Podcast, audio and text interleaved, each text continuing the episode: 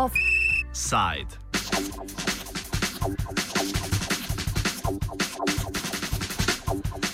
Ministrstvo za delo, družino, socialne zadeve in enake možnosti je z včerajšnjo predstavitvijo v enomesečno javno razpravo poslalo predlog zakona o začasnem in občasnem delu dijakov in študentov, s katerim želi urediti področja študentskega dela.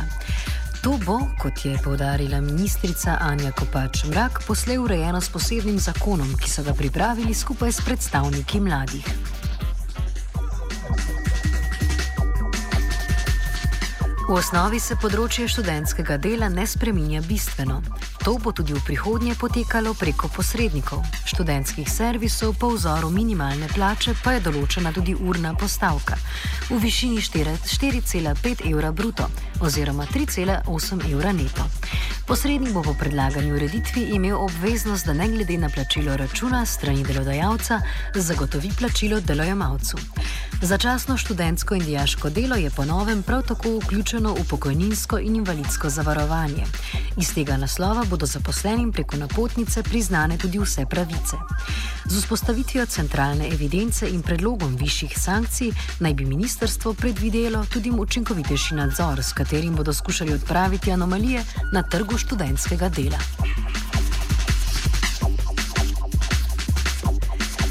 Začnimo študentsko organizacijo Slovenije, ki je pri pripravi projekta nove ureditve študentskega dela sodelovala. Njen predsednik Mitja Urban pravi, da so zadovoljni z izhodišči predlagane ureditve študentskega dela. Zakon sledi izhodiščem, ki jih je nekako študentska organizacija Slovenije že v začetku pač predstavila ministrstvo, na kateri bi želeli graditi predlog. To je, da vsako delo šteje, da se um, upravljeno delo tudi beleži in šteje vplačani prispevki v polni meri za pokojninsko in invalidsko zavarovanje, da se vzpostavi evidenca, um, ki bo beležila pač izkušnje iz študentskega dela in se potem, potem te tudi uh, formalizirajo, um, da se predvidijo sankcije za zmanjšanje uh, anomalij, predvsem na področju izkoriščene študentske panoge, uh, da se uvede minimalna urna postavka in pa da v bistvu se študentsko delo kot tako ohrani, predvsem v luči tega, da je še naprej um, nek most med izobraževanjem in pa potem vključevanja na trg dela. Um, saj smo ugotovili po naših analizah, da je kar 57% mladih diplomantov, ki je dobilo službo, predhodno delalo pri istem delodajalcu. To pomeni, da je v bistvu ena izmed najbolj uspešnih aktivnih politik zaposlovanja. Uh, torej, govoril si recimo med drugim tudi no, o tej minimalni urni postavki, recimo mnenje Gorana Lukiča je, da je uh, v osnovi preniska. Če mogoče lahko pokomentiraš. Uh, mi smo želeli pač višjo minimalno urno postavko, sedaj pa je preračunana na minimalno uh, plačo pač na predlog ministrstva. To je pač nek zaključek. Sindikalist Goran Lukič iz Zveze svobodnih sindikatov Slovenije predloga še ni podrobneje proučil. Kljub temu pa opaža, da se s predlogom študentsko delo približuje ostalim oblikam dela na trgu. Prvi ti bi rekel, da še nekako, po pravici povedano, zbiramo vse informacije oziroma še gledamo celo zakonodajno gradivo, ker časa oziroma časa, pardon, je še en mesec, tako da od včeraj do danes je bolj malo časa preteklo, da bi dal natančne odgovore. Kolikor pa vidimo, je glavno težišče, pa rečemo temu eno izmed glavnih težišč, je, da se torej študentsko delo eh, čim bolj približa konceptu, vsako delo šteje, torej tudi v smislu prispevkov in pa nekako tudi, da se ga logično omeji. V tej smeri zagotovo bomo preučili te predlagane rešitve in tudi pač ustrezno vse, saj z naše strani tudi podali morebitne dodatne pripombe in opombe. Vprašljiva pa se mu zdi določitev minimalne urne postavke. Zadovoljivo je toliko, koliko je zadovoljiva na zadnje tudi minimalna plača za preživetje. Vsi vemo, da minimalna plača v Sloveniji, če jo nekako damo v neto princip, oziroma da če jo damo v neto izplačen znesek, je ravno na meji stopne tvega na revščine. Da tukaj je že v bistvu en del odgovora na, na tvoje vprašanje, ali je 4,5 evra zadovoljivo. Zdaj je odvisno od vatla če sledimo minimalni plači, potem po tej logiki je 4,5 evra zadovoljivo v tem smislu. Zdaj, zagotovo pač je to stvar debate. Torej, nova ureditev študentskega dela gre v enomesečno javno razpravo.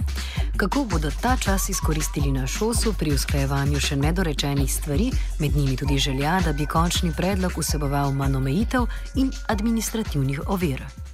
Kljub temu, da smo mi pač rekli, da pozdravljamo v izhodiščih zakon, je po našem mnenju še kar nekaj stvari, ki jih je tekom javne razprave nujno um, rešiti, da pač um, rešimo pač študentsko delo, kot je predlagano, administrativnih ovir, predvsem uh, to predvsem iz vidika delovanja centralne evidence, kot je trenutno zastavljena. Um, dodatno je potrebno razmisliti o samih omejitvah pri delodajalcih, um, in tudi upraviti konkretne izračune. Um, želimo si, da ministrstvo, v bistvu, če grdo rečem, ve, kaj počne z omejitvami in kakšne bojo posledice le takšnih omejitev.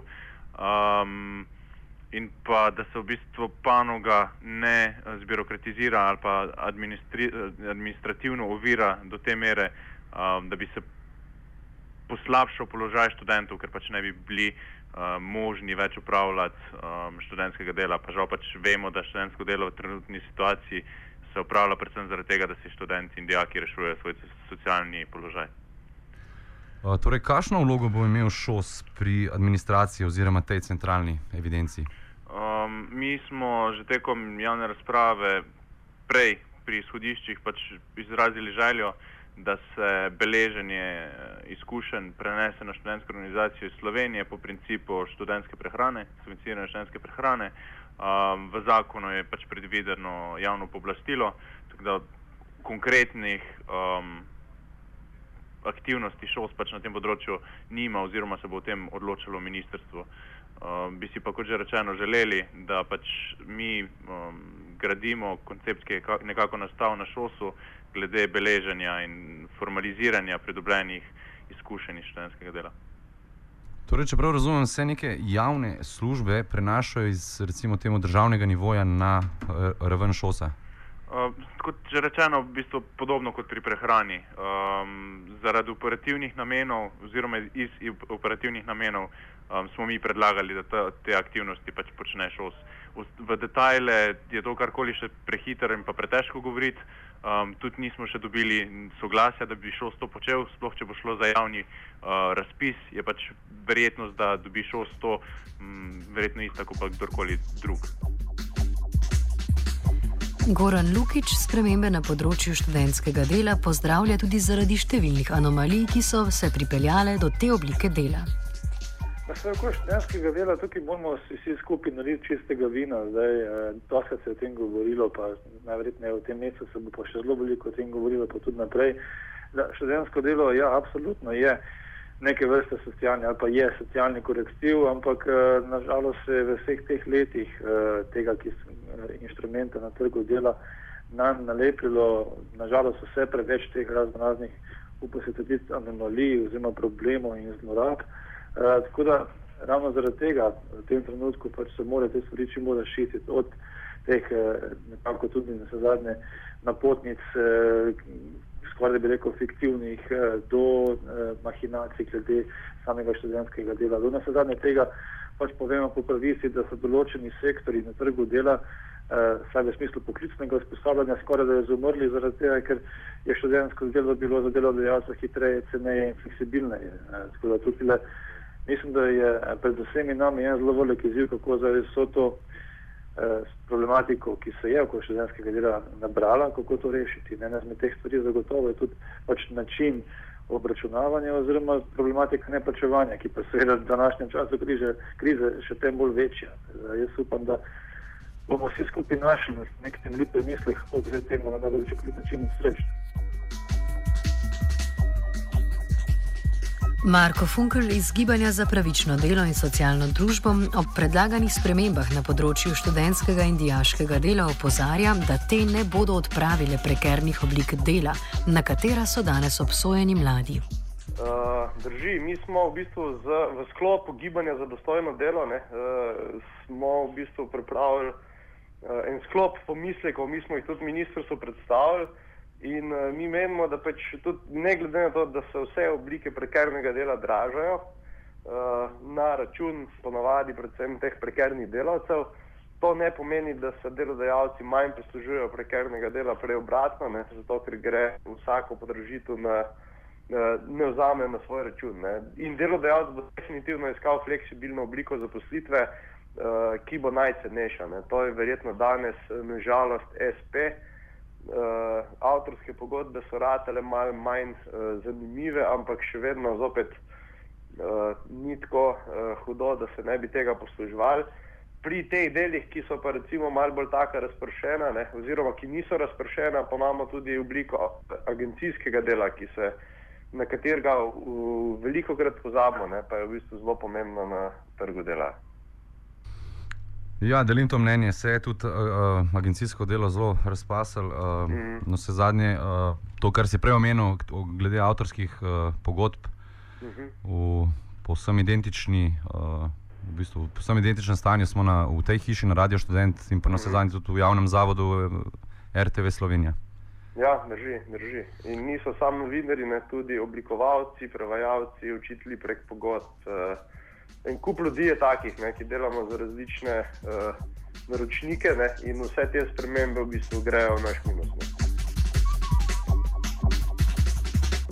Spremembe na področju študentskega dela naj bi med drugim pripomogle tudi k zmanjšanju visoke brezposelnosti med mladimi. Marko Funkl iz Gibanja za dostojno delo in socialno družbo je mnenja, da bi zato potrebovali celovito oblikovano sistemsko rešitev. Mi smo vzpostavili to, da Slovenija rabi neko sistemsko, uh, sistemsko rešitev. Ne? Se pravi, rabimo usmeritev, kam sploh želi gospodarstvo. Na podlagi tega bomo mogoče ustvarili več novih delovnih mest vsako draženje teh, teh um, prekernih oblik zaposlitve in ne po drugi strani povečanje nadzora nad tem, pa je po mojem mnenju pač uh, ni, ni prava pot. No.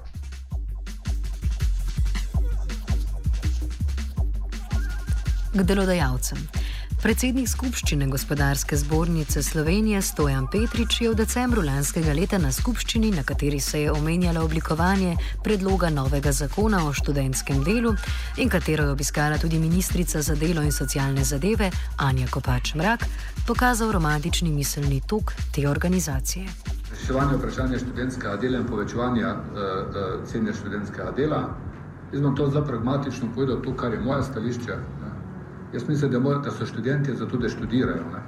Da to študirajo in potem grejo delati. Ker če med študijo delajo so slabi delavci, pa slabi študenti.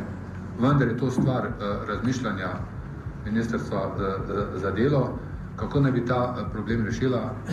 Moja želja pa je, da se skrajša čas študija in da se, tem, uh, da se čim, prej, uh, torej čim prej zaključi čas študija in da ljudje grejo čim prej. Dela, dela se pa naj na področju uh, tistega dela študija, ki ga slovensko, slovensko gospodarstvo potrebuje. Za 2,5 evra bruto na uro sta offside pripravila počivalško pop in nec mrcin. Oh. Oh. Oh. Oh. Oh. Oh. Offside.